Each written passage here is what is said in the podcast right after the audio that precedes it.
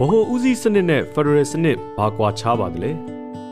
ဗဟိုဦးစီးစနစ်ကိုဘလို့နိုင်ငံတွေမှာတွေ့ရလိမ့်ရှိပါသလဲတကယ်တော့အာဏာရှင်နိုင်ငံတွေမှာဗဟိုဦးစီးစနစ်ကိုကျင့်သုံးကြပါတယ်ဗဟိုအစိုးရကသာလျှင်နေရာတိုင်းကဏ္ဍတိုင်းအဆင့်တိုင်းမှာလုတ်ပိုင်ခွင့်အာဏာတွေကိုတင်းတင်းကြပ်ကြပ်ချုပ်ကင်ထားပါတယ်ဗဟိုဦးစီးစနစ်ကျင့်သုံးတဲ့အာဏာရှင်နိုင်ငံတွေမှာ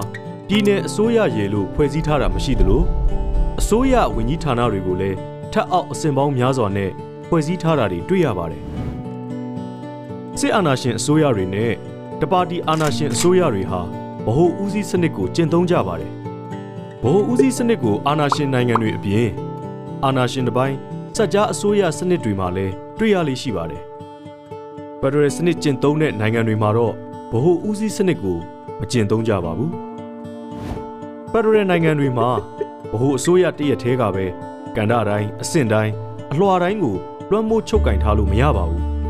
ဒီနဲ့အစိုးရကိုလည်းလုတ်ပိုင်ခွင့်အာဏာတွေကိုပိုင်းခြားခွဲဝေပေးရပါတယ်ဖက်ဒရယ်စနစ်ဟာဒီမိုကရေစီစနစ်အပေါ်မှာအခြေပြုတည်ဆောက်ရတာဖြစ်တာကြောင့်ပြည်내အစိုးရနဲ့ဗဟိုအစိုးရကြားအာဏာခွဲဝေကျင့်သုံးမှုရှိသလိုသက်ဆိုင်ရာအစိုးရအဖွဲ့အတွင်းမှာလည်းအာဏာမန်တိုင်း၃ရက်ခွဲခြားပြီးအပြန်အလှန်စောင့်ကြည့်ထိန်းချောင်းခြင်းကို တွေ့ရှိရပါတယ်အာဏာရှင်စနစ်တွေမှာကျင့်သုံးတဲ့ဗဟိုဦးစီးစနစ်မှာအာဏာမန်တိုင်း၃ရက်ကိုခွဲဝေကျင့်သုံးတာမတွေ့ရပါဘူးအာဏာမန်တိုင်း၃ရက်ဖြစ်တဲ့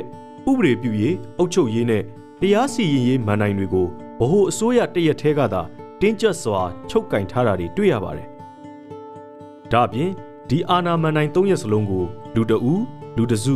လူတစ်ဖွဲ့တည်းကသာလျှင် ချုပ်ကင်ချဲလဲနေတာကိုတွေ့ရပါတယ်။ဖက်ဒရယ်စနစ်ကတော့ဗဟိုဦးစီးစနစ်ကျင့်သုံးတဲ့အာဏာရှင်နိုင်ငံတွေနဲ့တီးခြားကွဲထွက်နေတဲ့နိုင်ငံရေးစနစ်တစ်ခုဖြစ်တယ်လို့ဒန်းတူညီမျှမှုနဲ့ကိုယ်ပိုင်ပြဋ္ဌာန်းခွင့်ကိုစနစ်တကျခွဲဝေထားတဲ့နိုင်ငံရေးစနစ်တစ်ခုဖြစ်ပါတယ်။ဗဟိုဦးစီးစနစ်ဟာဗဟိုအစိုးရတရက်သေးကိုသာဗဟိုပြုဖွဲ့စည်းတည်ဆောက်ထားတာဖြစ်ပြီးဖက်ဒရယ်စနစ်ကတော့